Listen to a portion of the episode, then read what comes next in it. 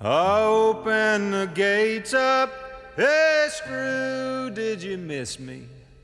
Jimmy, I see that you found a new friend.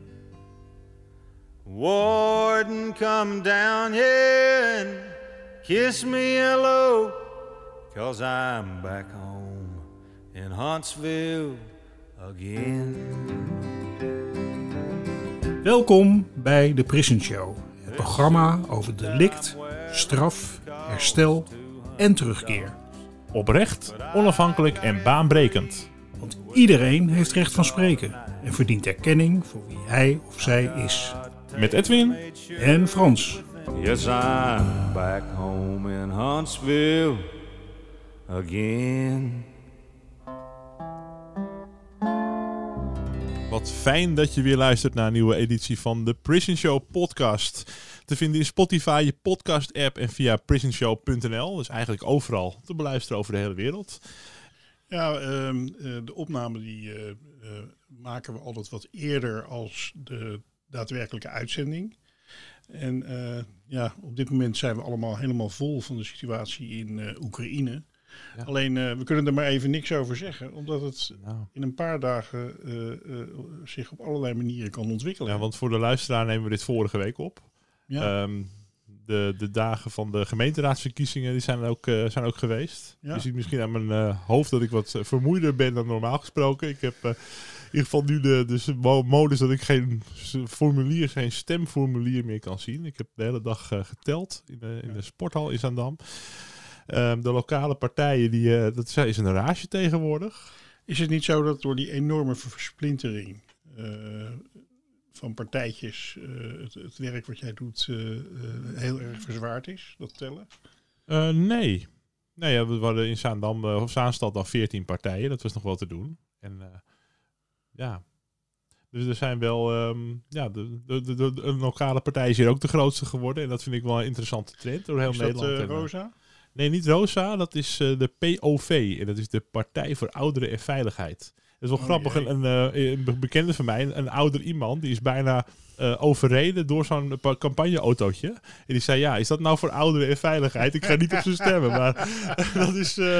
Oké. maar toch zijn ze de grootste geworden. Nou ja, ehm, ja, ik vond het een interessante trend dat die lokalo's het zo goed doen. Misschien omdat mensen vervreemd raken van... eh, of of nog proteststem willen brengen tegen de landelijke Ja, ja. partijen. Ehm, ik zei al, we zijn in alle landen natuurlijk met de podcast makkelijk te beluisteren. En we gaan, eh, met welk land gaan wij nu eh, bellen, Frans? ja, we gaan naar eh Bosnië-Herzegovina.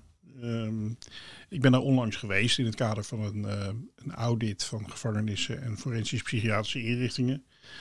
En ja, ik, eh, ik ben daar iemand tegengekomen, een interessante man, die ehm, ook op allerlei plekken gewerkt heeft waar ik ook gewerkt heb. Maar ik ben hem niet tegengekomen. Hij is eh, een stuk jonger eh, als ik. Maar ehm, ja, ik heb geluisterd naar zijn ideeën en zijn visie. En ik dacht van dit is iemand die we in de Prison Show moeten uitnodigen. Ja, want het is een bijzondere gast volgens mij. Matthijs van Middelkoop. Hij woont samen met zijn vrouw en drie jonge kinderen in Sarajevo. Eh, waar zijn eh, vrouw als diplomaat op de Nederlandse ambassade werkt. En hij werkt sinds 2009 als arts in de forensische psychiatrie. En werkte sinds 2016 als psychiater in de gevangenis en bij een aantal instellingen. Ja, Matthijs is nu eh, freelancer en onder meer betrokken bij een initiatief dat adviseert over de zorg in gevangenissen en forensisch psychiatrische instellingen in Bosnië-Herzegovina. Ik eh, noemde het al even. En eh, op LinkedIn staat in zijn profiel Creative, Out of the Box, Forensic Psychiatrist, Fighting for the Human Rights of People with Mental Disabilities and Illness, especially those who are incarcerated.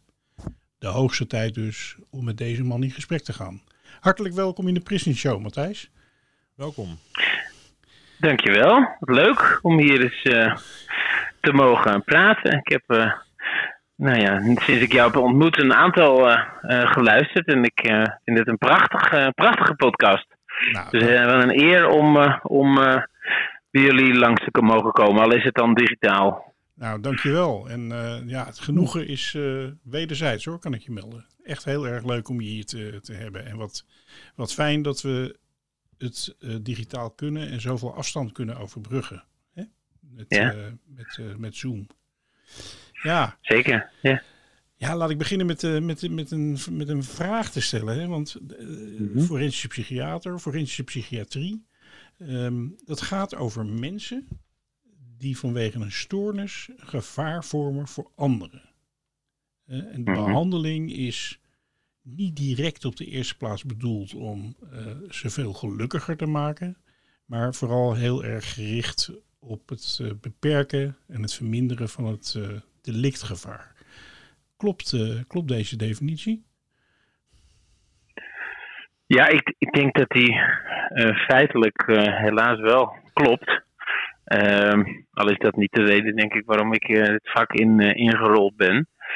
Eh, en in feite is het natuurlijk zo dat, dat je probeert in de forensische psychiatrie wel het recidieverisico en daarmee het gevaar voor de maatschappij te verminderen.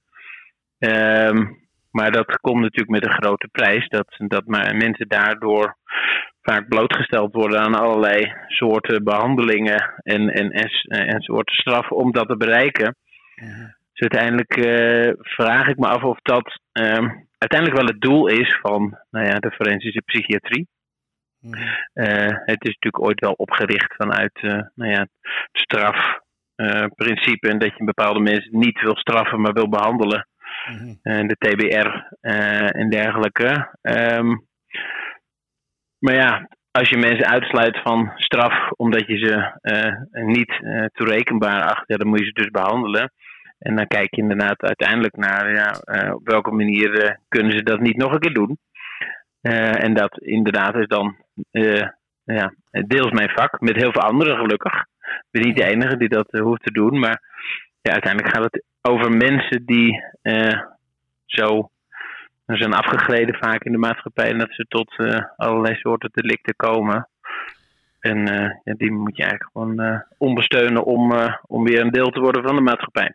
Is best lastig hè, om iemand te overtuigen van het nut van zijn behandeling, kan ik me voorstellen. Want ja, je wordt opgesloten in een plek die eigenlijk voelt als een gevangenis. Hè. Je mag niet naar buiten en je wordt veelal ook s'avonds opgesloten in een cel dan kan je dat wel kamer noemen. Maar als de deur achter je dicht gaat, dan voelt het toch heel erg als een cel. En ja, vervolgens moet je eigenlijk op een of andere manier het besef hebben dat het nodig is om behandeld te worden om weer te, naar buiten te kunnen gaan, zeg maar. dat voelt heel Ja. erg als straf, zo klinkt het tenminste. En dat je heel erg je best moet doen om uh, te laten zien dat je weer naar buiten kunt, zeg maar. Ja. Ja, je verwacht eigenlijk deels dat mensen door het hoepeltje springen waarvan wij denken dat het het juiste hoepeltje is. Op zich niet heel veel anders dan wat de maatschappij natuurlijk uh, grotendeels is. Uh, maar ja, vaak zijn ze het natuurlijk niet eens, of heel veel mensen zijn het niet eens met uh, datgene waarmee ze gediagnosticeerd zijn uh, door de psychiatrie. Of het risico dat ze vormen voor de maatschappij. Vaak zien mensen dat toch wat anders in. Ja. Um, en helaas zijn heel veel van die behandelingen natuurlijk ook wel heel erg uh, afgestemd op groepen. En dan uh, moeten ze de wasstraat van uh, de forensische behandeling doorlopen. En die, en die klinkt niet heel persoonlijk. Gelukkig wordt het steeds meer wel veel persoonlijker ook afgestemd. Maar ja, als je binnenkomt in een uh, TBS-kliniek, dan ademt dat niet een persoonlijke sfeer uh, bepaald. Nee, gewoon, dat is eh, toch wel heel erg protocolair. Je moet gewoon eh, alle fases doorlopen die iedereen doorloopt. En eh, Ja, ja, eh, met, met de hoop dat het dan uiteindelijk, uiteindelijk goed gaat met je. ja. Ehm, nou ja, precies.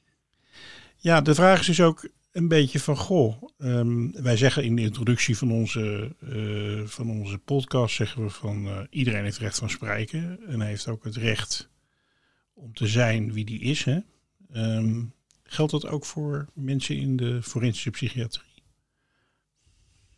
Ja, zeker. Kijk, ik denk dat heel veel ehm, mensen in de forensische psychiatrie, überhaupt volgens mij ook in de in detentie, ehm, toch wel vaak ook de, de, eh, de zondebokken zijn van de maatschappij. Dus eh, die sowieso al, al eh, nou ja, minder spreekrecht lijken te krijgen. Ehm, nou ja, en, en binnen de forensische psychiatrie is sowieso natuurlijk het stigma wat op psychiatrie ligt, eh, heerst er al. En dan ook nog gedetineerd zijn. Dus mensen hebben relatief weinig spreekrecht en worden vaak een beetje afgeserveerd inderdaad als uh, nou ja, een, een, een gek, een, een psychopaat, gevaarlijke psychopaat. Met Met embed. Ja, Ja, ja. En dus daar wil je zo min mogelijk mee te maken hebben. En ik merk het alleen al aan het feit dat de, als ik met tegen mensen zeg wat ik doe, dan is dat inderdaad vaak dat je krijgt, oh, dan, hè, is het niet hartstikke gevaarlijk of heel eng? Of, eh, eh, en dat mensen moeilijk kunnen, zich kunnen voorstellen dat het eigenlijk gewoon hele normale mensen zijn. Eh, ik het- standaard inderdaad de vraag of ik een seriemoordenaar tegengekomen ben. Ja, ja, En, en, eh, en, en, en psychopaten en dergelijke, ja. Het is veel minder erg. En uiteindelijk zie ik vooral heel veel, eigenlijk gewoon best wel normale mensen, die soms wel wat moeilijker zijn om te leren kennen. Maar ehm, Ja. de, ja. Nou, Ja. nou is het zo dat ehm, eh, veel mensen vragen van joh. Nou, veel mensen zeggen gewoon van eh, iemand die eh, dit soort delicten pleegt, die kan nooit beter worden. Dan moet je geen risico meer mee nemen. Hè? Gooi de sleutel maar weg, Mhm. bij wijze van spreken. Ja. Ehm, lukt het eigenlijk wel om zo iemand zo te behandelen dat hij minder delictgevaarlijk wordt? En eh, ja, ik zeg er maar meteen bij, dan denken mensen natuurlijk meteen aan eh, Michael P. en Thijs H. eh, Mhm. wie delicten een, en- enorme maatschappelijke onrust hebben veroorzaakt. Hè? Dan is het Ja. heel lastig om. wat zeg je tegen dat soort mensen als ze zo'n vraag stellen? Van, of dat kan, dat behandelen. Nou ja, het, het- het- zeker kan dat behandelen. Ehm, kijk, als je de outliers pakt, dus de meest extreme eh, gevallen, hele mediagevoelige zaken, heftige dingen, dan ligt dat altijd natuurlijk gevoelig. Ehm, en daarmee eh, loop je het risico om je eigen betoog te ondergraven, omdat ten eerste hebben die twee zaken een enorme lange gevangenisstraf gekregen en daarna nog eens een TBS. Ja. En dus de slagingskans van de TBS is nul. Nou, als je 15 jaar, 20 jaar moet zitten, ja, wat weet je dan nog eh, daarvan? Dat is Dus wel een belangrijke eh, vaststelling die je nu doet. Hè? Ehm, Ja, namelijk eh, een lange gevangenisstraf met TBS werkt eigenlijk niet. Dat is eigenlijk Nee. wat je zegt. nee. Nee, absoluut niet. Dus ja, werkt het behandelen eh, als zodanig? Nou ja, de, ehm, de recidieve percentages zijn natuurlijk vrij, best wel goed eh, van TBS te noemen. Ehm, zeker als je het vergelijkt met detentie. Maar ik denk veel meer in het algemeen kan je wel zeggen dat als je aandacht geeft aan iemand en positieve dingen, positieve kwaliteiten aan iemand eh, leert of iemand uitnodigt daartoe en ook meer toch wel wat eh, persoonlijke band met iemand eh, eh, krijgt, ja, dan dat heeft een positieve uitwerking. En daarmee wordt iemand al meer mens. eh, en dat neemt volgens mij al, dat geeft iemand al minder reden om terug ehm, eh, de criminaliteit in te gaan. Dus in die zin werkt het zeker. Ehm, en dat merken we ook wel.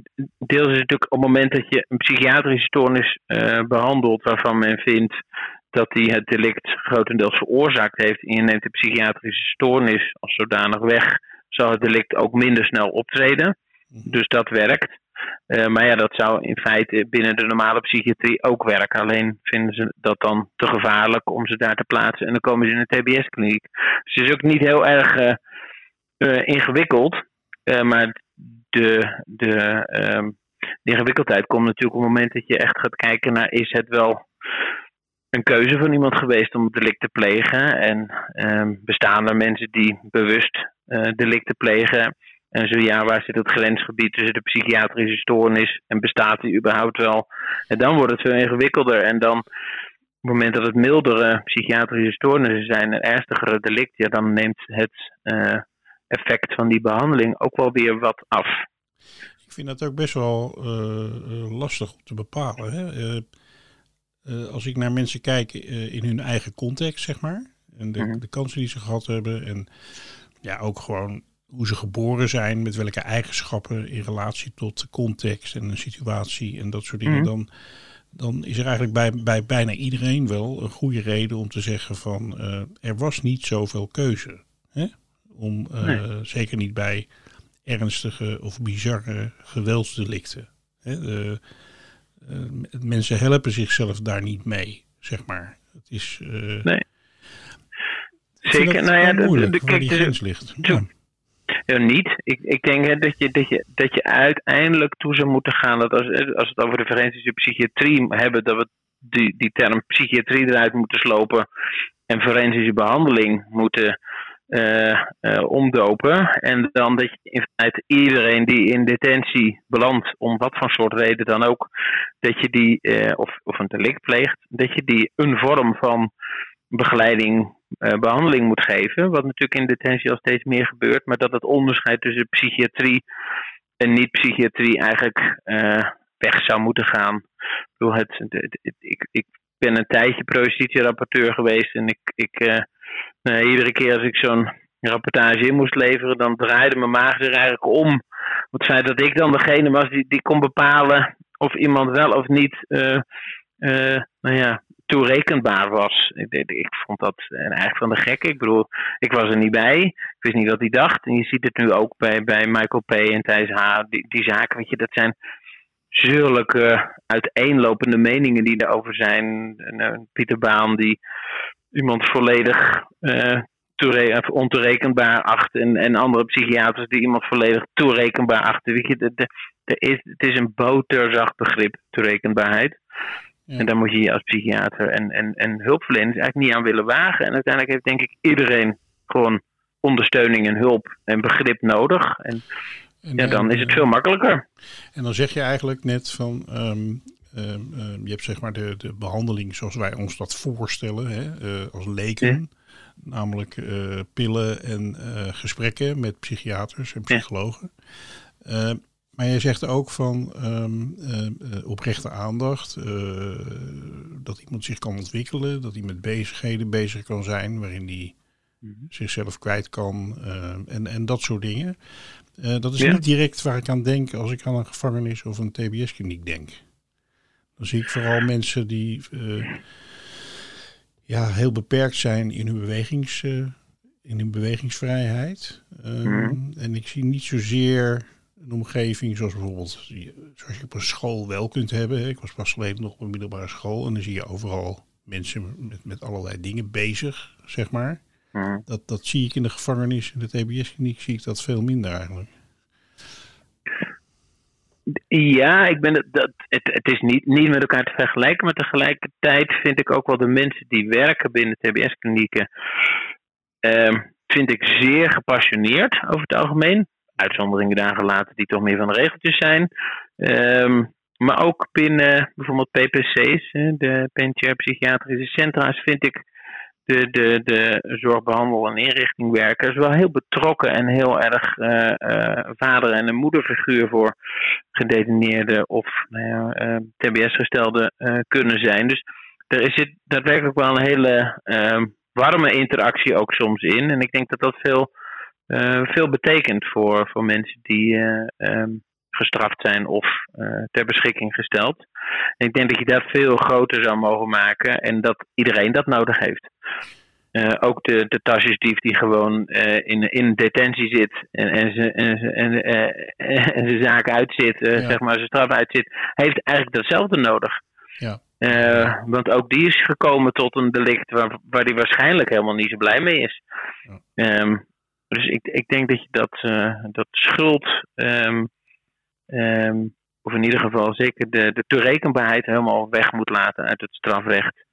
Um, omdat iedereen aanvoelt dat als je knetterpsychotisch bent en je uh, een moord pleegt, dat je dan niet heel erg gestraft moet worden.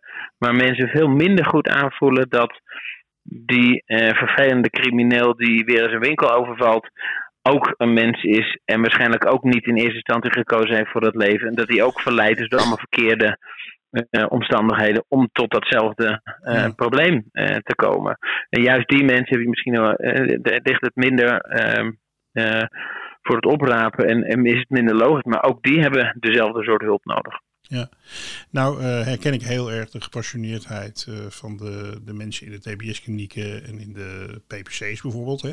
Mm -hmm. die echt hun uiterste best doen om iets te betekenen voor de mensen die, uh, die binnen zitten. En zich ook heel goed realiseren dat dat de mensen vaak gewoon vanuit een uh, vanuit onmacht handelen en vanuit een stoornis en dat soort dingen. Tegelijkertijd moeten ze met hun team en binnen zo'n instelling proberen om de veiligheid eh, te waarborgen. Hè. Dat is heel erg. Er zijn heel veel protocollen voor en dat soort dingen. Dus, dus het is best wel, dat hoor ik ook veel van, van mensen die op die plekken werken. Het is best wel lastig om in te zetten op ruimte geven voor ontwikkeling, voor positieve dingen doen. Ja. Hè? Dat is best wel heel lastig. Dat is een lastig dilemma. Um, hoe, um, hoe, hoe plaats je dat in het, het, beoordelen van de effectiviteit van de behandeling? Hè? Is het, kan het eigenlijk wel in zo'n gesloten setting? Waar je weinig mogelijkheden hebt over het algemeen. Vanwege de veiligheid. Ja, precies. Hè. Dus die, die veiligheid is natuurlijk, eh, denk ik, een van de belangrijkste elementen waarom mensen in een gesloten instelling zitten. Ik werk ook op polykliniek en daar heb je dat element natuurlijk niet. Of een vakteam, forensisch vakteam, waar mensen niet binnen zitten, maar wel dezelfde soort behandeling eh, eh krijgen. Um, dus ja, de maatschappij eist dat bij ernstige delicten um, iemand binnen gaat zitten. Um, en daar zit natuurlijk een stuk vergelding in. Uh, en ja, en dan heb je daarmee mee te dealen. En dan kan je uh, dat in allerlei vormen uh, gieten. Maar op het moment dat iemand binnen moet zitten van de maatschappij, dan, dan, dan moet je die ma dat, dat binnen eigenlijk beter inrichten. Zo goed mogelijk inrichten. Dus ik, ik denk dat. Um, ja, ik denk dat het een, een utopie is om te zeggen: we gaan niemand meer opsluiten. Mm -hmm. um, want dan moet je een maatschappij hebben die dat accepteert. Nou, daar kan het misschien ooit naartoe groeien. Tot die tijd zul je, uh, denk ik, uh, de, de, de plek binnen zo goed mogelijk en zo, uh, zo sociaal en, en prosociaal mogelijk moeten vormgeven. En ik denk dat, dat daar op zich best wel, zeker binnen TBS-klinieken, wel hele goede um, tendensen zijn. Al is het soms wel heel erg weer met het hele hypermoderne vormgeving en saaiheid. En, en, en dan denk ik, nou dat nodigt niet uit. Uh, zit je in een soort kantoorpand opgesloten. Ja. Uh, maar qua mensen, ja, dat is inderdaad heel lastig dat je je aan die regels hebt te houden. En vooral als het dan een keer misgaat, nou dan worden de teugels natuurlijk enorm aangetrokken. Ja. ja dat is, dat, ligt allemaal onder de vergrootglas. Maar ik denk um, dat het feit dat je uh, dat de medemenselijkheid is binnen zo'n uh, eh, eh, TBS-kliniek een hele belangrijke factor is, want dat het ook wel werkt. Ja. Ja, en het werkt dan uiteindelijk toch ook om te zorgen dat iemand ja, minder geneigd is om, om, om bijvoorbeeld geweld te plegen of delicten te plegen en dergelijke. Ja, ja. zeker. Nou ja, kijk, het, het, lastige is natuurlijk, heel veel Um, TBS-klinieken scheiden zeg maar um, patiëntenpopulaties af. Hè. Dan heb je mensen met psychose, die zitten niet samen met mensen met persoonlijkheidsstoornissen. Mm Nee, mensen met psychoses die daardoor een delict hebben gepleegd, is gewoon wat uh, die, die vinden vaak oh, natuurlijk zelf niet dat ze een psychose hebben en zijn heel erg tegen medicatie. Maar op het moment dat je ze helemaal ingesteld hebt op medicatie, neemt het risico ook af. Mm-hmm. Dan moet je daarna in de maatschappij nog wel de, de holding bieden dat ze de medicatie blijven gebruiken. Maar dat is heel enge, nauwe psychiatrie. Ja, als je die pillen erin hebt, neemt het risico af. En er wordt mm-hmm. weinig verder dan gedaan aan, zeg maar, uh, werken aan. Uh, uh, nou ja, kwaliteiten van iemand. Terwijl bij die mensen met persoonlijkheidsstoornissen. Um, ja, daar heb je toch een heel ander uh, soort behandelprogramma's. En dat is ook echt wel uh, wat moeilijker. Um, en, en ik denk dat daar. Um, dat TBS-klinieken daar wel heel goed in zijn. Om, om, om, om, om een omstandigheid te scheppen dat iemand ook uitgenodigd wordt tot beter gedrag. Want ja, daar heb je gewoon wat minder aan pillen. Ja, ja. Dus ik, uh, de, nou, ik, dat vind ik wel heel bijzonder om te zien hoe dat toch uh, um, nou, mensen uitgenodigd worden om ja, met je met praten. Je kan wel gedwongen met iemand praten, maar hij zal toch moeten luisteren en het ook daadwerkelijk moeten doen. Dus, dus dat, dat is wel heel knap. Eigenlijk uh, om mensen uit te nodigen tot ander gedrag. Ja, dat, dat vind ik zeker ook. Ja. Ja, want in feite uh, hebben de mensen, de, de, patiënten of de bewoners, die hebben een behoorlijke bagage hè, van, van, mm uh, van, van, negatieve ervaringen in hun leven en allemaal dat soort dingen. En Ja, om dan uh, eigenlijk min of meer onverstoorbaar en toch met, met veel aandacht met deze mensen om te gaan. Dat, dat vraagt ontzettend veel uh, energie en ook, wel, ook wel lef. Hè? om dat Zeker, ja. Om daar je nek voor uit te steken. Ja. Ja. Nou ja, bijvoorbeeld als ik kijk naar, naar de polyklinische behandeling die ik heb, dan, dan het dan wordt eigenlijk, vind ik zelf dan misschien wat te weinig met het recidieve risico uh, gewerkt. Maar ja, ik, ik, zie eigenlijk het verschil niet tussen de ene populatie patiënten, uh, normale psychiatrie en de forensische uh, psychiatrie. Ik behandel gewoon mensen die ik dan nu online behandel. En ja, dat maakt eigenlijk niet zoveel verschil. En dat is ook wel weer leuk, want dan voelen ze zich ook wat minder gestigmatiseerd als de crimineel die ook nog eens gek is. Ja. ja, het zijn gewoon mensen, hè? Ja. Het zijn mensen. Um, ja. De gevangenis, dat weten we. Hè? Als we nou even helemaal weer teruggaan naar de basis. Hè? Uh, we mm-hmm. sluiten nu een paar honderd jaar sluiten we nu mensen op hè? als een reactie op, op, op een delict. En um, het is een, uh, ja, een, een systeem waarvan mm-hmm. we onderhand wel weten dat mensen daar over het algemeen niet beter uitkomen hè? uit de gevangenis. Het, nee. het, is niet iets wat, wat iemand goed doet. Nog los van uh, hoe het in de gevangenis is, is het feit dat iemand zo'n tijd weg is uit de samenleving. En bij zijn dierbaren vandaan heeft natuurlijk enorm veel impact. Um, is er nou, zou je nou op een andere manier kunnen reageren op, uh, op, op delicten?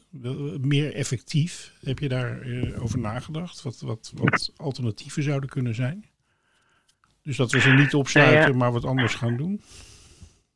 Ja, nou, ook, ook ik vind het lastig om helemaal uit dat uh, concept niet opsluiten te gaan. Hè? Maar je kan natuurlijk um, veel meer, ja, noemen dan een beetje uh, hybride vormen, zodat je zegt mensen wel op een bepaalde manier afzondert, maar eigenlijk de buitenwereld uitnodigt om deel te nemen aan hen. En, en dat er in ieder geval een, veel meer een, een, um, een verbinding is tussen de maatschappij en mensen.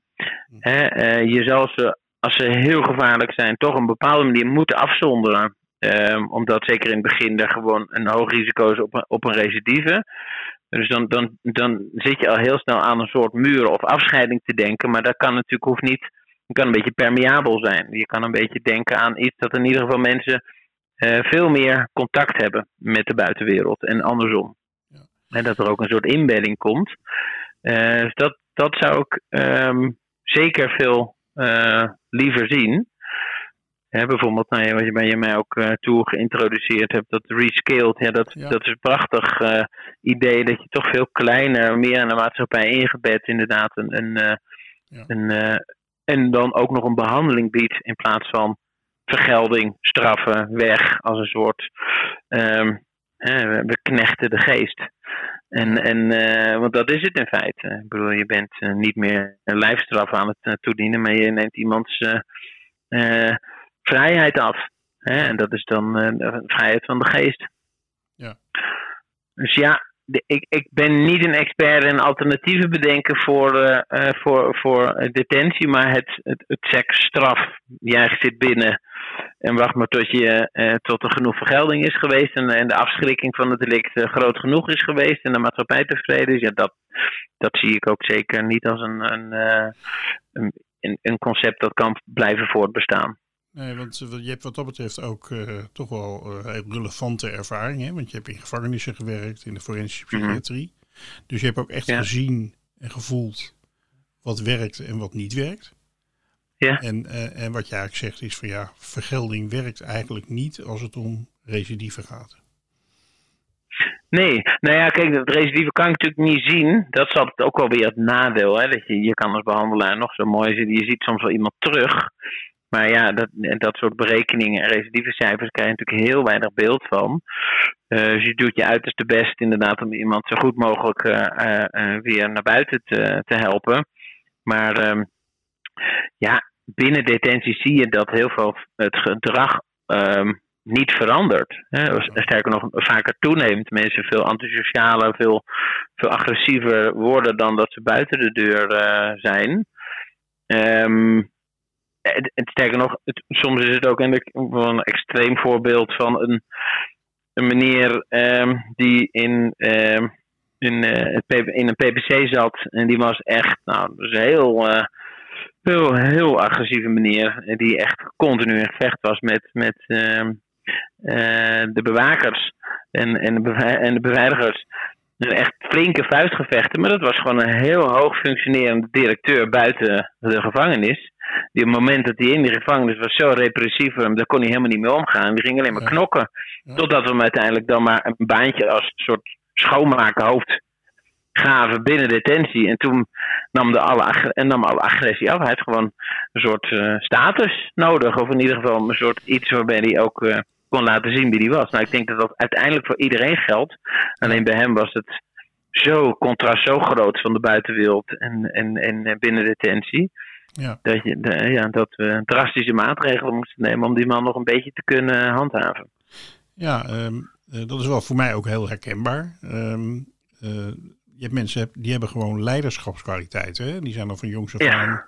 Zijn dat degene die, uh, die de aanvoerder van, van het elftal en van, de, van, van iedere groep zijn, eigenlijk waar ze in zitten. En anderen herkennen dat ook in ze. En ja. um, die leiderschapskwaliteit hebben ze vaak in de criminaliteit uh, op een negatieve, destructieve manier gebruikt. Uh, maar die zitten ze natuurlijk enorm in de weg als ze in een, in een gevangenis zitten. Dus dan, ja, zeker. dan is, het, is het echt een kunst, en, uh, maar wel heel goed mogelijk, uh, heb ik gemerkt. Om dan je niet bedreigd te voelen door het leiderschap. Van hé, hey, hij probeert de baas te spelen over de, over de afdeling of mm. over de inrichting. Maar uh, gewoon eens te kijken van, goh, hoe, hoe, kan, hoe kunnen we die te zien als een kwaliteit? En te kijken of iemand die op een andere manier kan inzetten. Of je hem daar de gelegenheid toe kan geven. Dat is ja. eigenlijk uh, ja, ook in het voorbeeld nou, wat, jij, uh, wat jij vertelt gebeurt. Zeker. Nou ja, ik, ik heb bijvoorbeeld zeg wel, wel vaker ook tegen vrienden van... Ik kwam zeker ook in de TBS uh, veel zedendelinquenten tegen die dan van die uh, uh, met de Loverboy praktijken hadden. En dacht ik, een van die, die mannen hebben skills. Dat hou je niet voor mogelijk. Die kunnen mensen lezen vanaf een afstand. Die zien zwaktes. Die zien allerlei signalen waar ik echt niet eens een idee van heb hoe je dat zou moeten zien. Maar die kunnen dat zonder dat ze ervoor kiezen. die gebruiken het alleen helaas voor iets heel slechts. Ja. Maar ik denk, ja, dat zouden waanzinnige goede detectives zijn. Uh, of of hè, als, als je die mensen naar de, nou ja, naar de positieve kant van de maatschappij zou kunnen buigen, dan hebben ze echt enorme skills ja. die maar heel weinig mensen hebben. Ja. Dus dat, dat probeer ik ook binnen de psychiatrie heel vaak mensen van te overtuigen. Want als je psychotisch bent of last hebt van stemmen, kan je daar hele mooie dingen mee doen. Uh, je kan een hele interessante uh, uh, kwaliteiten mee ontwikkelen. Uh, of we kunnen je ziek maken en dan een pilletje nodig hebben om beter te worden. Ja. Dus ik denk dat het eerste veel interessanter is. Dus inderdaad, het ombuigen van gedrag, ja, daar, daar nodigt een gevangenis niet toe uit. En kennelijk is het ook, uh, nee. dat hoor ik ook een beetje in je verhaal, wil ik hiervan aan je vragen. Kennelijk is het ook belangrijk hoe wij naar mensen kijken die ja. een delict plegen. Ook dat heeft een grote invloed op wat er gebeurt met, uh, met iemand. Ja, zeker. Ik denk dat het uh, uh, aan delicten zit natuurlijk altijd sowieso iets wat niet mag in de maatschappij, dus fout. Um, en veel minder de persoon die het pleegt. Dus je wordt eigenlijk meteen gedehumaniseerd op het moment dat je een delict pleegt, want dan ben je de dader en niet meer een mens.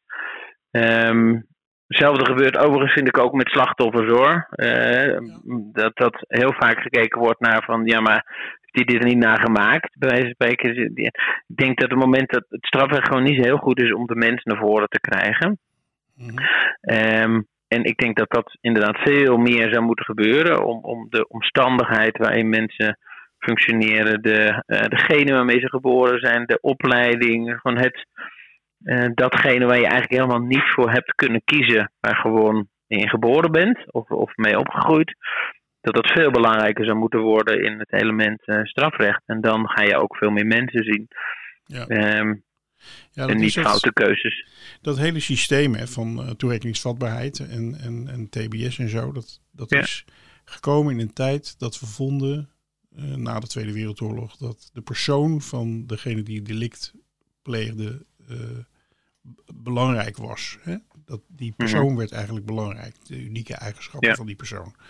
Ehm, wat je nu eigenlijk zegt is dat, eh, als ik het goed begrepen heb, is dat dat eh, eigenlijk maar heel gedeeltelijk overeind blijft hè, in een gevangenis of in een TBS-kliniek. En eh, dat we eigenlijk toe zijn aan een soort nieuwe manier van eh, de persoon van de verdachte of van de dader belangrijk maken. Klopt dat? Ja, nou ja, het, feit dat de, de persoon de verantwoordelijkheid heeft om zijn daden zeg maar, eh, eh, eh, weer, weer eh, teniet te doen, hè, door, door, door, door de straf te ondergaan en, en, en, eh, en ook moet leren van, eh, van zijn daden. Ik denk dat dat eigenlijk eh, ehm, veel te veel de nadruk legt op dat je verantwoordelijk bent voor je eigen handelen. En dat is volgens mij echt een, een de- ja, wetenschappelijk gezien is de vrije wil nou op zijn minst zeer twijfelachtig of hij er überhaupt is. Ja. Eh, filosofisch gezien willen we er graag in geloven. Dat is prima. Het zal altijd een onderdeel blijven van onze maatschappij. Maar ik denk niet dat we de maatschappij moeten inrichten met keuzevrijheid als eh, grootste element. Dus mensen moeten belonen om wat ze goed doen en straffen om wat ze niet goed doen. Dus dat je vraag eigenlijk van hoe zou je gevangenisstraffen beter kunnen uitvoeren. Ik denk dat het element veel meer zou moeten zitten. Hoe kunnen we voorkomen dat mensen nog delicten plegen? Dus veel meer preventie. En dat zit hem uiteindelijk echt in dit mensbeeld dat we hebben. Mensen want- moeten samen samenwerken, zich samen voelen. Ja, want, want nu is inderdaad eh, de, wel heel erg dominant dat mensen zelf verantwoordelijk zijn hè, voor hun eigen keuze. Ja. Dat is eigenlijk zoals we erover denken. Je eigen ongeluk, dat is eigenlijk je eigen schuld. Moet je maar beter je best Ja. doen. Ehm daartegenover staat ook een beetje van, als het met een van ons, een van ons misgaat, dan hebben wij daar ook met z'n allen een verantwoordelijkheid in. Hè? Dus dat, Ja. dat, Ja. eh, dus het is niet alleen het, eh, de, degene die, waar het mis mee gaat, die je op het beklaagde bankje kunt zetten, maar ook de context en van de mensen omheen. Dus wij eigenlijk, hè, eh, medemensen van iemand. Ja. Zeker, dus ja, in, in, in, in, eigenlijk wil je gewoon grootscheepse eh, vernieuwingsprojecten in de maatschappij om mensen weer meer samen te brengen. En, en dat, de, ja, dan moet je eigenlijk dus de, de outcasts een, een belangrijkere rol eh, geven, want dan gaat iedereen weer zien dat het ook mensen zijn. Dat je toch allemaal een beetje hetzelfde denkt. Door een, een, een, een, ehm, een zondebok te hebben, eh, pleit je iedereen eigenlijk vrij van eh, kritisch naar zichzelf kijken. Maar hij heeft het gedaan, ik niet. Ja, precies. precies. Dus ik denk, dat zou, nou ja, de- denk ik wel een heel mooi streven zijn om ehm, minder de ehm, vrije keuze eh, in, het, in, in het centrum van de maatschappij te hebben, maar meer ja, de omstandigheden, het samen doen, ehm, eh, het niet hebben van een keuze eh, en dan soms enorme pech he- hebben gewoon in je leven en soms heel veel geluk hebben. En dan hebben de mensen met geluk meer verantwoordelijkheid dan de mensen met pech. Ja, ja, precies. Ja, ja je, over eh, ehm, samenlevingen gesproken. eh, in Nederland, Nederland is natuurlijk heel individualistisch, hè, vinden we. De, de- Mhm. Een van de meest individualistische landen die we kennen. Hè, die heel erg de nadruk legt op die eigen verantwoordelijkheid. Eh, Bosnië-Herzegovina is natuurlijk ook een Europees land, maar toch ook echt een ander land als Nederland. Jij kent het inmiddels vrij goed, je woont daar. Het is natuurlijk ook een land wat, wat nog enorm de gevolgen ervaart van de oorlog van 20 jaar geleden.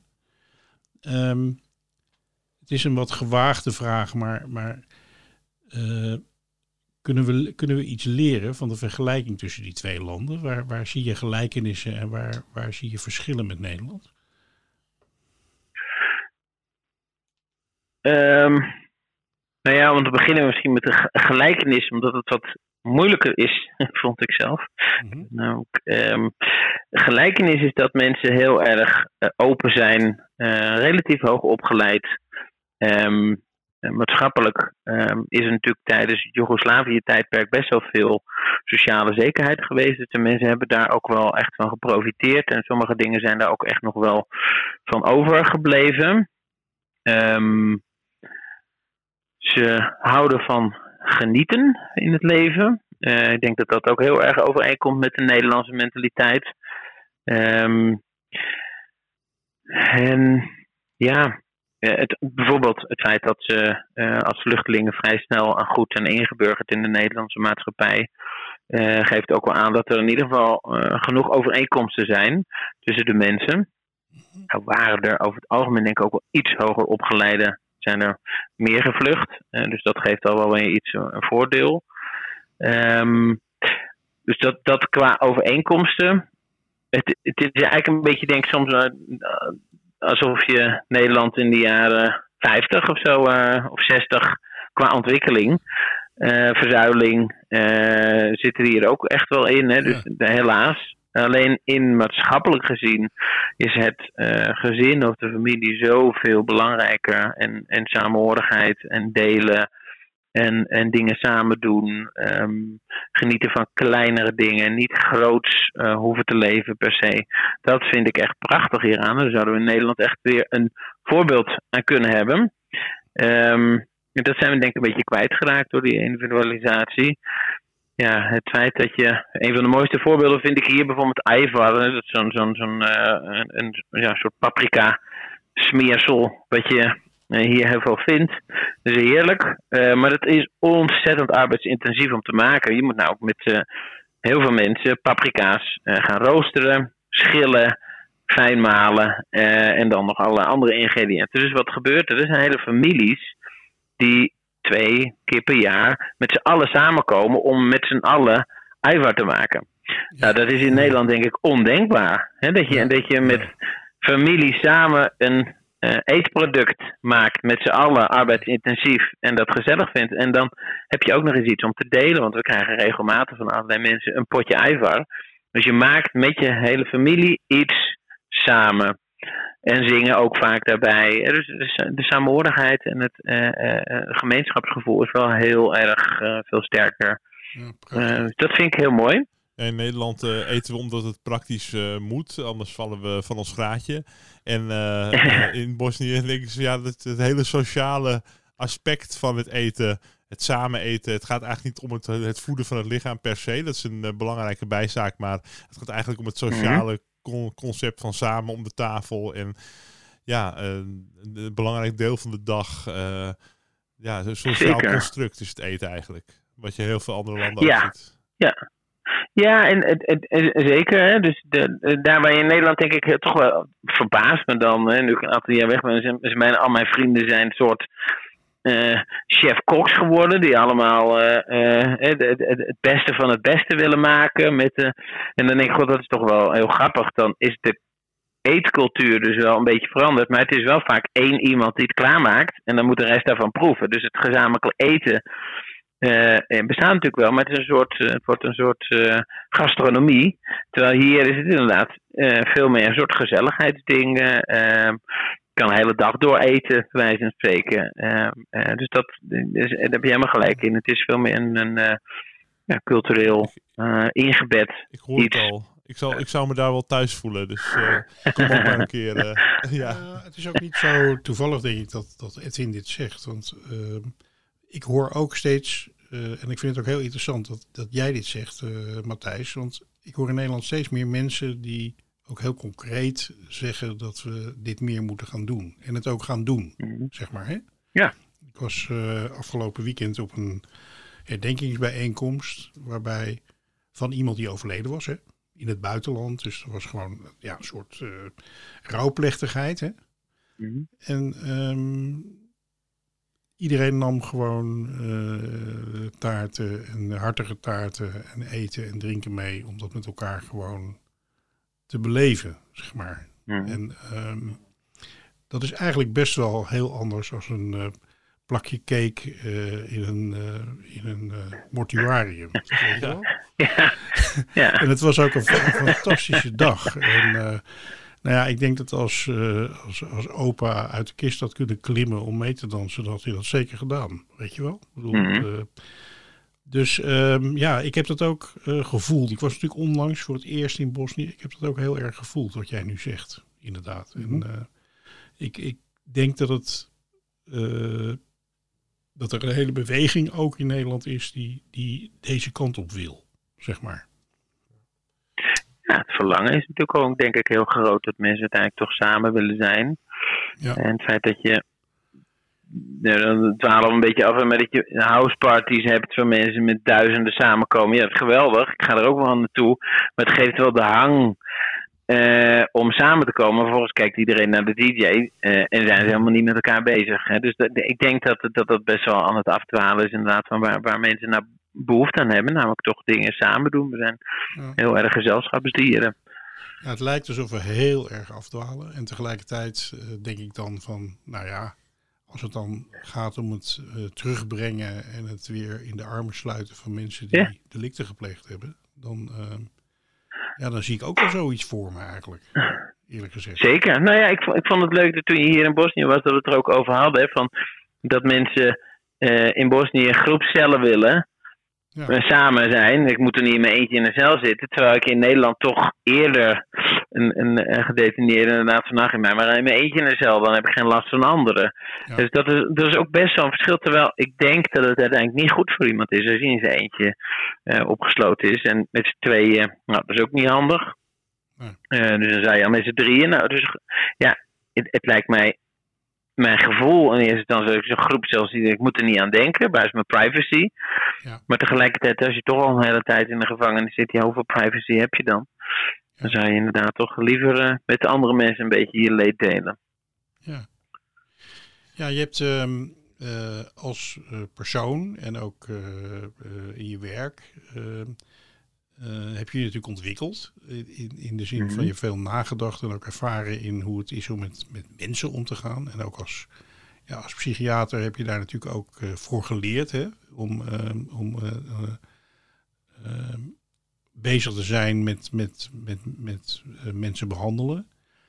Ehm, wat ik gemerkt heb is dat je best kritisch bent over de manier waarop wij omgaan met mensen die als gek en of crimineel worden beschouwd. Ja. Ehm, je hebt er al iets over gezegd hoor, maar kan je daar wat meer over vertellen? Nou ja, kijk, crimineel vind ik, dat is toch echt wel een heel maatschappelijk eh, eh, construct. Hè, van, ja, als, als iets eh, niet mag, dan, dan, dan, dan pleeg je een delict. Hè. Dus daarom zijn in landen waar drugs verboden is, heb je vreselijk veel mensen met drugsdelicten. Hè, dus dat, dat, dat vind ik wat ehm, moeilijker om daar iets over te zeggen. Eh, maar met name gek en niet gek. Ja, ik hou van paradijsvogels. Eh, zo hoor ik vandaag dat er dus daadwerkelijk ook woningen bestaan die de paradijsvogelwoningen heten.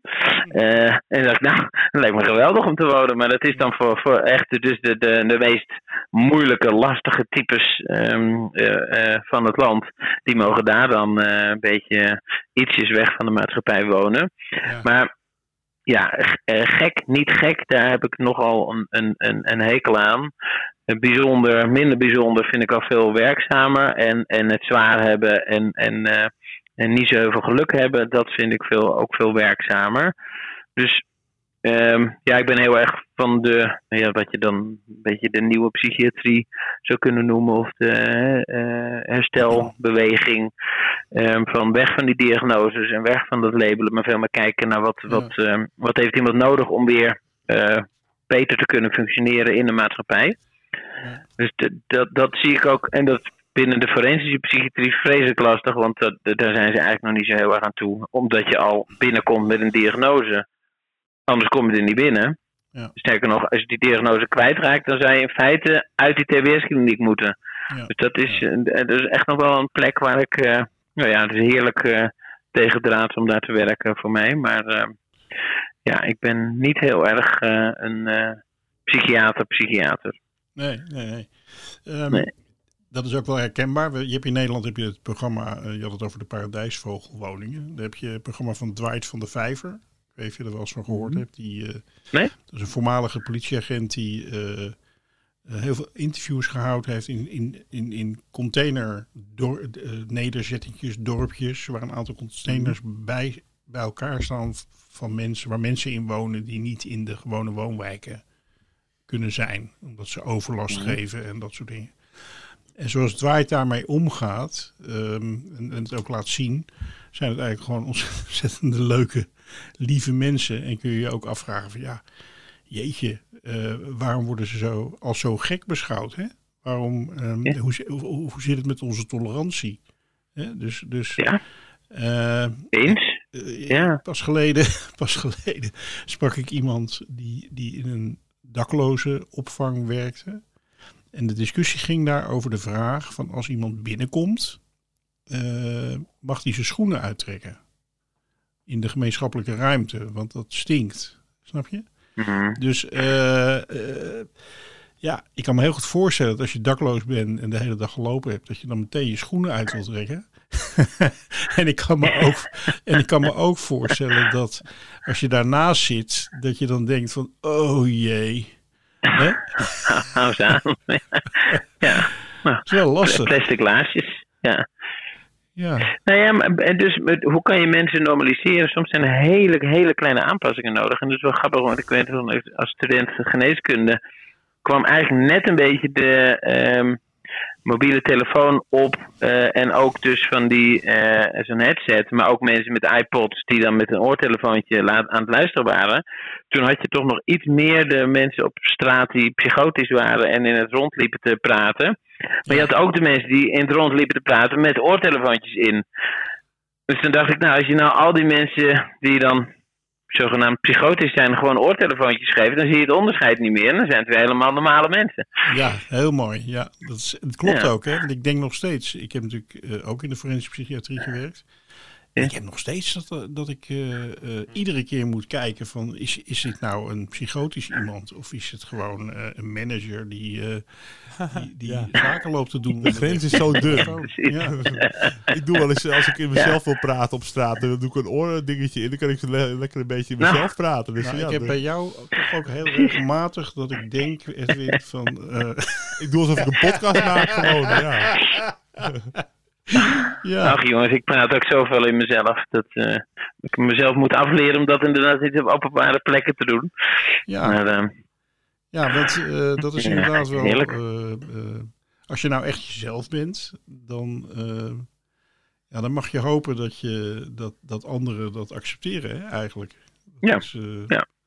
Dat is, wat zou, dat is wel heel fijn als dat gebeurt. Op sommige plekken gebeurt dat, maar ook vaak niet. Hè. Vaak is het ook zo dat, dat zodra er twee jongeren bij elkaar staan of eh, iemand... eh, ik heb bijvoorbeeld een kleindochter, die vindt het heerlijk om enorm veel geluid te maken. mhm. Zingen en af en toe ook eh, gillen. En dat, er zit heel veel energie in en heel veel expressiviteit.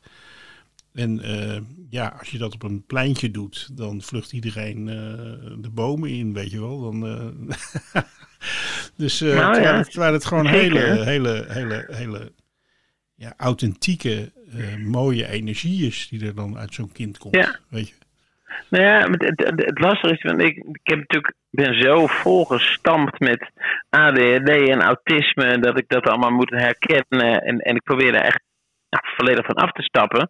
Maar dat is ook bij mijn eigen kinderen. Als die vreselijk druk en onrustig zijn, dan is het heel sterk. Dan heb je dan nog het automatisme van. Zal hij niet ADHD hebben of autisme? En dan denk ik, ja, dat slaat ik helemaal nergens op. Want ik ga het labelen en dan vind ik het irritant. En dan ga ik proberen het te veranderen. En wat kunnen we eraan doen? Terwijl, als ik hem gewoon waardeer om wie die is, dan kan je er wel een beetje bijsturen. Het is niet altijd even eh, natuurlijk eh, eh, normaal om, om, om druk en onrustig te zijn. Maar dat is een veel logischer aanpak. Maar ik Ja. ben echt wel eh, ge- zelf gehandicapt gemaakt met mijn opleiding. Ja, ja, ja. Maar dat is denk ik voor iedereen herkenbaar hoor. Want als je kinderen heel druk en heel wild zijn. Ik heb dat met mijn kleinkinderen inmiddels natuurlijk. Ja, dan kan ik, Ja. dan kan ik zeggen van ik heb er last van. Hè? Ik, eh, ik wil graag even lezen. Opa wil even lezen bijvoorbeeld. Ja. Hè? En dan moeten ze stil zijn. Maar ik zou ook kunnen zeggen van goh.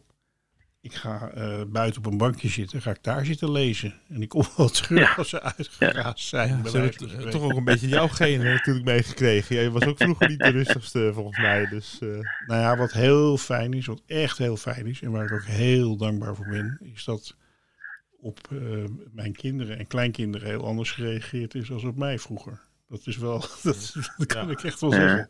Ja, ja want eh, ja, ik vind eigenlijk, ik vind dat, er wel iets, dat we wel iets toleranter mogen zijn, zeg maar. ik hou ervan als mensen zich lekker vrij voelen allerlei dingen en met originele gedachtenkronkels komen. En, en ja, er zijn zoveel grijze muizen al in de wereld. Ik, eh, Ja. ik, ik, ik vind het alleen maar eh, mooi. eh, ja. Ik hou ook van paradijsvogels. Ik eh, behoor tot de club Ja. van Matthijs, de, de paradijsvogelclub, zeg maar. En jij volgens mij ook. Ja. Ja, heel erg. Ja. Ja, Ja, bijvoorbeeld de, de, de eettafel is dan wel een heel eh eh, tegendraad iets. Hè. Je moet je tafelmanier houden, maar dat gaat niet goed samen met druk, wild en onrustig zijn. Dat is een eh, soort eh, maatschappelijke strijd in het klein. Ja, ik hoorde laatst iemand zeggen, mijn kinderen eten elke dag wild. Ja ik heb ook gewoon een... eh, vanavond hebben mijn kleinkinderen bij ons gegeten. Dat was wel echt een wildproeverij, kan je zeggen. Dat is inderdaad waar. hey, Matthijs. eh, Ja, Eh, ik- denk dat, dat we dat eh, het, het tijd is om een, een term te introduceren en daar dan wat, wat meer op in te gaan. Het is een, een, een aantal woorden. En, en, en het heet Deep Nature Connection Mentoring of Rewilding. ja. Deep Nature Connection Mentoring of Rewilding. Wat is Mhm. dat? Ehm, ja, het, het, het is een, een, een ehm, eigenlijk wel een heel oud bestaand concept hoor, maar het is ooit, eh, denk ik, een jaar of 20, 30 eh, geleden geïntroduceerd door een eh, Amerikaanse man die opgeleid is door een, eh, ja, zou je kunnen zeggen, een Indiaan. En, en, en, en, en het, kwam een beetje in de, in de cultuur terecht van. men had ook wel door dat men veel te weinig buiten kwam en in de natuur was. Eh, met name de laatste twintig jaar zie je zo dat mensen eigenlijk uit de natuur te gaan en in, in hun huis komen te zitten. En eh, nou ja, zeker de laatste tien jaar is het natuurlijk helemaal extreem met mobiele telefoons en, en Netflix en, en computers. En, en, eh, dus de, die beweging van mensen rewilden is eigenlijk terugbrengen naar je veel natuurlijkere toestand van letterlijk in de natuur zijn en weer uit de deur gaan. Ehm, ja, tot in ehm, met je blote voeten door het bos heen lopen om gewoon eens te ervaren hoe het is om niet op schoenen te lopen. En dat het eigenlijk helemaal geen pijn doet. En het gaat in die zin heel, eh, ben ik daar eh, mee in aanraking gekomen ehm, een tijdje terug. Omdat ik dacht dat ik best wel wat van de natuur wist. Maar ik ging naar Zweden voor een trip en ik kwam daar nou ja, negen dagen met een, een groepje mannen in aanraking met een eh, fantastische gids. ehm, leraar die eigenlijk eh, zijn hele leven ongeveer eh, slijt in de natuur. En die ons echt eh, zoveel heeft geleerd over gewoon weer leren luisteren, leren kijken, leren ervaren buiten in plaats van binnen. En je zintuigen te openen en, en veel meer connectie te ervaren met de natuur om je heen. Ook weer wat meer kennis te krijgen ervan. Dat ik daar zo enthousiast van werd en zo geïnspireerd van raakte. Dat ik dacht, ja, hier moet ik iets mee. Ik wil andere mensen ook deze kant op krijgen. En nou ja, nou werk ik, zoals je weet, in de forensische psychiatrie waar mensen ongeveer binnen in beton gegoten zitten. Ja. Zeg ik, nou, als er nou ergens mensen naar buiten moeten, de natuur in, ehm, eh, is dat een plek. Dus ik ben me nu eigenlijk proberen zo aan het bekwamen om een Deep Nature Connection mentor te worden. En dat betekent eigenlijk dat je van heel veel zelf moet leren eerst om weer eh, die connectie eh, te krijgen. Om dat uiteindelijk als een soort mentor weer over te kunnen brengen. Ehm, maar gelukkig kan ik met hele kleine dingetjes al mensen nu enthousiast krijgen. En doe ik dus met kleine stapjes ben ik bezig om, om, eh, om mensen weer een beetje nou te rewilden. Eh, en ik heb gewoon ook daar wel nu wel veel over gelezen, maar ook wel echt de ervaring dat eigenlijk de meeste patiënten, als je ze vraagt wat werkt voor jou, dat ze heel vaak, bijna altijd zeggen: Ja, ik vind het fijn als ik in het bos loop. Of eh, ik zit te vissen in mijn eentje. Of eh, op het strand wandelingen. Iedereen heeft wel zoiets, maar doen het bijna niet. Eh, en als je ze dan uitnodigt om dat soort dingen vaker te doen, en dat ook nog een beetje als een soort doktersadvies meegeeft van je moet vaker buiten lopen, dat dat heel veel positief effect op mensen heeft. Dan heb je eigenlijk nog helemaal niks gedaan. Dan ben je nog helemaal niet bezig met de verbinding. Maar ik probeer dus mensen echt gewoon meer naar buiten te krijgen om, als ze buiten te zijn, vervolgens stapjes te gaan maken om ook meer weer meer te gaan luisteren en te kijken en te ervaren. En kun je dat nog iets, eh, iets concreter maken? Hè? Wat, moet, wat moet ik me dan voorstellen? Ehm, ehm, we, gaan, we gaan bijvoorbeeld wandelen. We gaan naar een plek waar natuur is, Ja. hè, het bos. En, en wat gaan we dan doen? Nou, ik, zou, ik zou het nog concreter willen stellen. Als je in je eigen huis zit, staat er een plant. Zo ja, hoe heet die plant?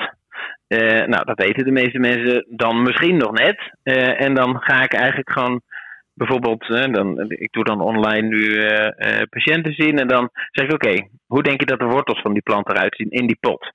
Nou, dan heel veel mensen hebben een soort kinderlijk beeld van wortels die er prachtig als uitwaaien zo vanuit de stam van de plant naar beneden. Ik zeg, oké, nou, dat is zoals jij denkt dat die wortels eruit zien. Trek die plant maar eens uit zijn pot. En dan zie je een soort weerwar, circulair groeiende wortels die bijna wit tegen de buitenkant aan afgezet zijn. En zo, hoe zou dat nou komen? Ja, die pot is te klein. Ja. hey, nou dat is interessant. Zou dat bij jou misschien ook zo zijn? Dat jouw pot, jouw woning ook eigenlijk veel te klein is. Hè? Dus je bent helemaal naar binnen gegroeid. Je hebt jezelf een soort omkapseld met nou, je tentakels naar buiten toe. Uh, wat zou je veel fijner vinden? Ga eens naar buiten. Pak eens een grotere pot. Uh, dus op die manier probeer ik mensen eigenlijk een beetje te laten zien dat de omgeving waar zij hem vinden, dat de natuur dat um, uh, enorm ook uitnodigt. En dat door zo'n plant in zo'n potje te stoppen, je hem eigenlijk dwingt in een heel klein uh, stukje. En vaak als mensen dat soort dingen zien, begrijpen ze ook in één keer van, oh ja, het is eigenlijk misschien wel heel slim om naar buiten te gaan. Om eens met tentakels, met wortels wat meer uit te gooien. En zo kan je, er zijn talloze voorbeelden. Um, dan ben ik bijvoorbeeld, nou, als iemand zegt ik, ga, ik hou ervan om te vissen. Nou, dat is prachtig. En dan zit hij dus kennelijk buiten aan het water met een hengeltje naar buiten te kijken. Dan heb je wel eens gevist met je ogen dicht. Uh, nee. moet ik met mijn vissen met mijn ogen? Zou het kunnen? Ja, ja, kan op zich die dobber wel voelen. Nou, doe het eens. Kijk of je dingen hoort. Of je misschien die hengel ook kan voelen. En dan zijn ze dus buiten en dan moeten ze iets anders gaan doen dan ze normaal doet. Um, en zo kan je ook, hoe loop je altijd naar je visplaats? Nou, dezelfde route. Kan je een andere route pakken? Um, En zo, ja, wat kom je tegen? Zijn er andere vogels die je misschien hoort? En probeer eens wat meer te luisteren, probeer te kijken. En dan kan je dus iemand in zijn eigen omgeving, die hij eigenlijk al heeft, uitnodigen om meer uh, te gaan exploreren. En vanaf dat moment ben je al bezig eigenlijk met iemand weer uh, te rewilden. En dat gaat met hele kleine stapjes. Ja. Mooi. Ja, um, uh, dat vissen, dat doet me denken aan uh, een aantal mensen die ik ken die, die het vissen eigenlijk gebruiken om te rewilden.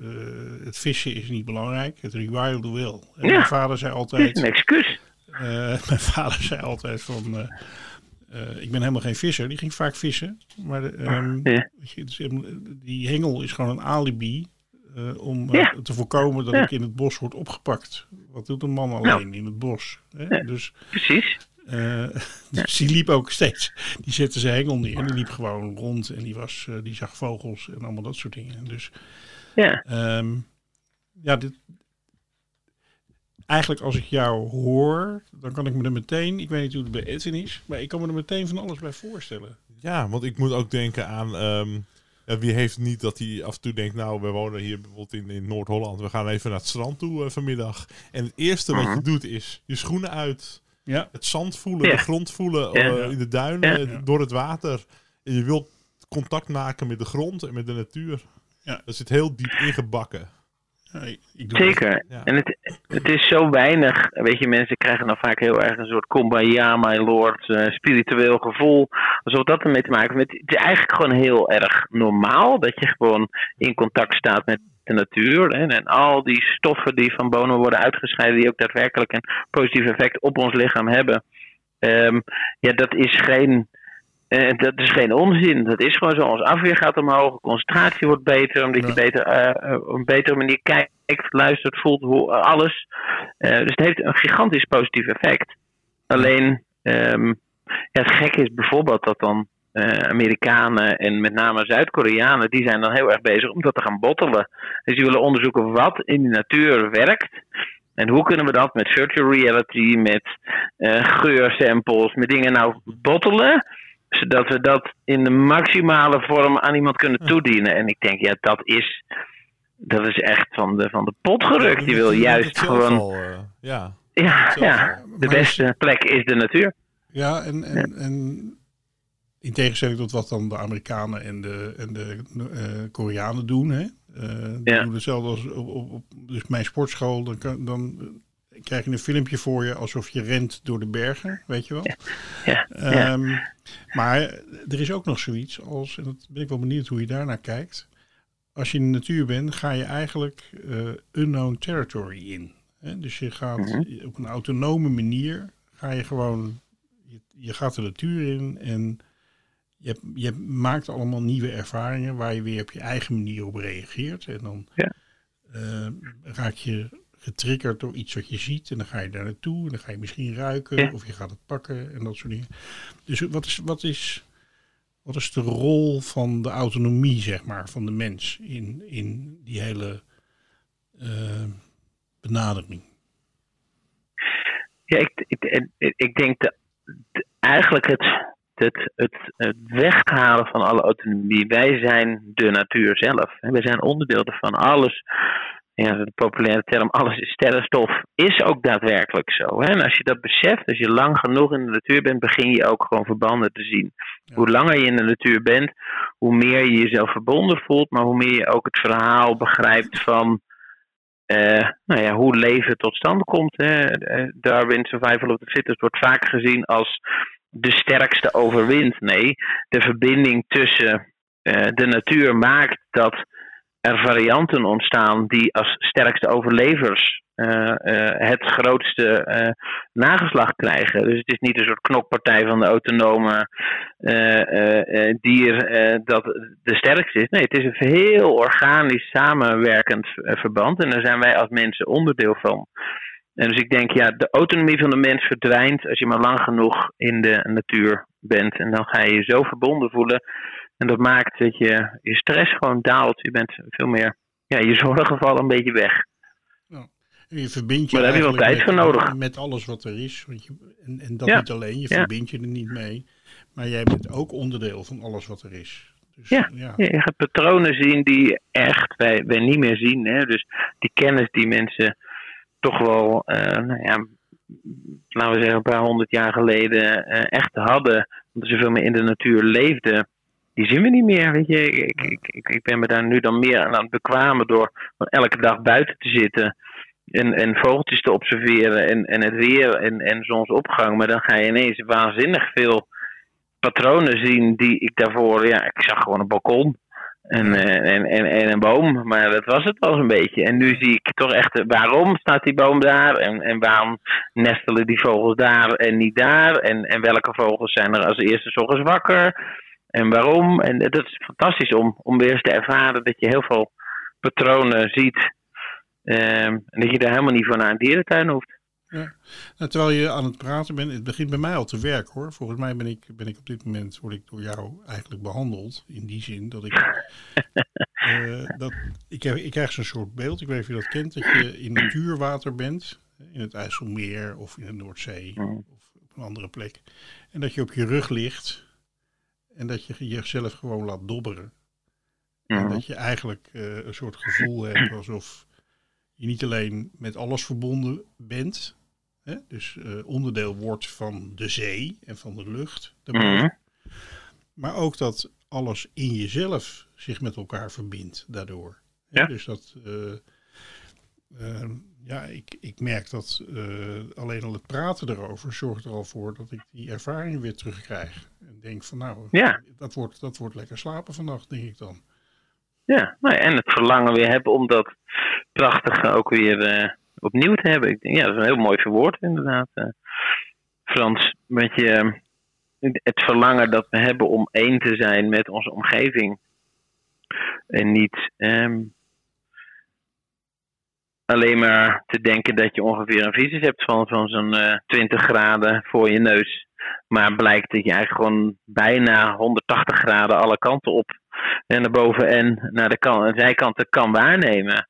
Zonder enige moeite. Ja, dat is fantastisch als je dat gewoon weer eh, jezelf daarvoor openstelt. Dus ehm, ja, dat, dat één worden met je omgeving is denk ik een heel belangrijk eh, element voor wat ik toch zou willen proberen te, eh, te implementeren in de forensische eh, zorg. Ja, ja, mooi. Dit zou wel, ehm, zou dit ook eh, een goed alternatief zijn voor, voor alles wat we nu doen, of voor veel wat we nu doen. Het zal niet bij, bij iedereen werken wellicht, maar, maar hoe schat je dat in? Hoe, de potentie van dit idee, van deze benadering? je hebt een, er, zijn, er zijn een paar stromingen zeg maar, binnen de zoals je dan de nature-based therapy. Um, je hebt ook uh, meer experience, uh, nature experience therapy. Het zijn dus mensen die op trips gaan, uh, van die bergbeklimsessies of, of grotten in. Het is heel erg het ervaren van de natuur. En dat is best wel goed ontwikkeld al in Europa. dus dat doen heel veel mensen en dat werkt waanzinnig goed. Het wordt alleen vrijwel nog niet toegepast op echt wat ernstigere uh, problematiek en op gedetineerden. Voor zover ik weet niet. De enige voorbeelden die ik ken is inderdaad wat meer met uh, um, dieren, dus honden of paarden. Moestuinen. Moestuinen, zeker, dat klopt. Dat, dat, dat, dat gebeurt ook inderdaad. Dus dat, dat is de, de, die elementen zien we. En ik denk dat dat heel belangrijk is om, om mensen een, een ook eens niet veroordelende omgeving te geven. Want de natuur die, ja, die kent die misdaden en die gekte van jou niet. Ehm, dus ik denk dat het inderdaad een heel belangrijk element is. Wat ik ook mooi, mooi vind in je verhaal is dat je het heel dichtbij en heel klein maakt. Hè? Dus, dus uh, de natuur is niet meteen dat je uh, aan het hiken bent in de Rocky Mountains. Maar de natuur is ook de, het plantje in, de, in je vensterbank. En is ook een vogeltje wat je op je cel hebt. Of uh, uh, een stukje buitengebied. Zelfs binnen een gevangenis. Ja. Nee, je moet werken met de omgeving waar mensen in zitten. Kijk, en als iemand in de verstedelijkte omgeving in, uh, in, in Bijlmer in Amsterdam woont, ja, daar zijn geen tuintjes. Die hebben een kaal balkonnetje. en dan kan je wel die mensen gaan motiveren om een mooi uh, park op te zoeken. Maar dat is veel te ver. Dus de, de, eerste stap is, kijk eens gewoon uit je balkon en zie je vogels vliegen. Nou, dus 9 van de 10 keer zien ze er vrij veel, want er is ontzettend veel vuilnis en etensresten, dus heel veel vogels. En, en dat is denk ik eh, de, de, de, de stepping stone om mensen geïnteresseerd weer te krijgen voor hun natuurlijke omgeving. Ja. Nou, ik ben heel benieuwd uh, hoe, dit, uh, hoe dit verder gaat. En ook uh, hoe je dit in de praktijk uh, gaat brengen. Ik ook. We moeten, we moeten wel uh, afronden, want Frans zit op het punt om zijn sokken uit te trekken. Ja. Dus, ja. Nee, um, geweldig. heel mooi en heel, ook heel fijn om het over dit soort dingen te hebben met iemand die in de forensische psychiatrie uh, werkt, weet je wel. Dat is toch een hele andere wereld waar je dan de verbinding eigenlijk mee maakt, lijkt het. Dus uh, ja, ik vond het heel, uh, heel interessant om met je te spreken, Matthijs. Nou, ik vond het ook heel fijn om even zo te kletsen. Het is ook een XL-podcast geworden. We zijn al een uur en een kwartier lekker aan het praten. En dan, ja, dat is ook een goed teken. Als je de tijd dat vergeet, dan bestaat de tijd niet meer. Dan ben je gewoon in het gesprek. En dat is meestal een heel goed teken voor dat gesprek. Ja, ik denk dat gaandeweg het gesprek hebben we, hebben we de ruimte gecreëerd voor iedereen om uh, anderhalf uur te gaan luisteren. Dat is, wel, uh, dat is eigenlijk wat we gedaan hebben. Ja. En, dan, uh, en, dan, en dan de sokken uit en naar het, naar het strand. ja, oké. Okay. nou. Goed, iedereen gaat nu met het beeld van sokken de rest van de dag of zo. Dat is ook niet de bedoeling. ik wil je heel erg bedanken. En ehm, laat nog eens wat van je horen vanuit... zeker, zeker. Jullie Evo. ook heel erg bedankt voor jullie luisteren. Heel leuk vinden om, uh, om nog eens een, uh, dit gesprek te doen als je uh, wat verder bent en wat om te horen hoe het je vergaat. Ja, nou heel graag. Hartstikke leuk. tegen de, Dank jullie wel. Dankjewel. En tegen de luisteraar zeggen we, dit was de aflevering van deze week. Maar volgende week, waar je ook wandelt in de natuur, je kunt gewoon naar de Prison Show luisteren, want dan zijn we weer op vrijdagochtend. Tot dan. Tot dan. Yes, I'm back home in Huntsville again.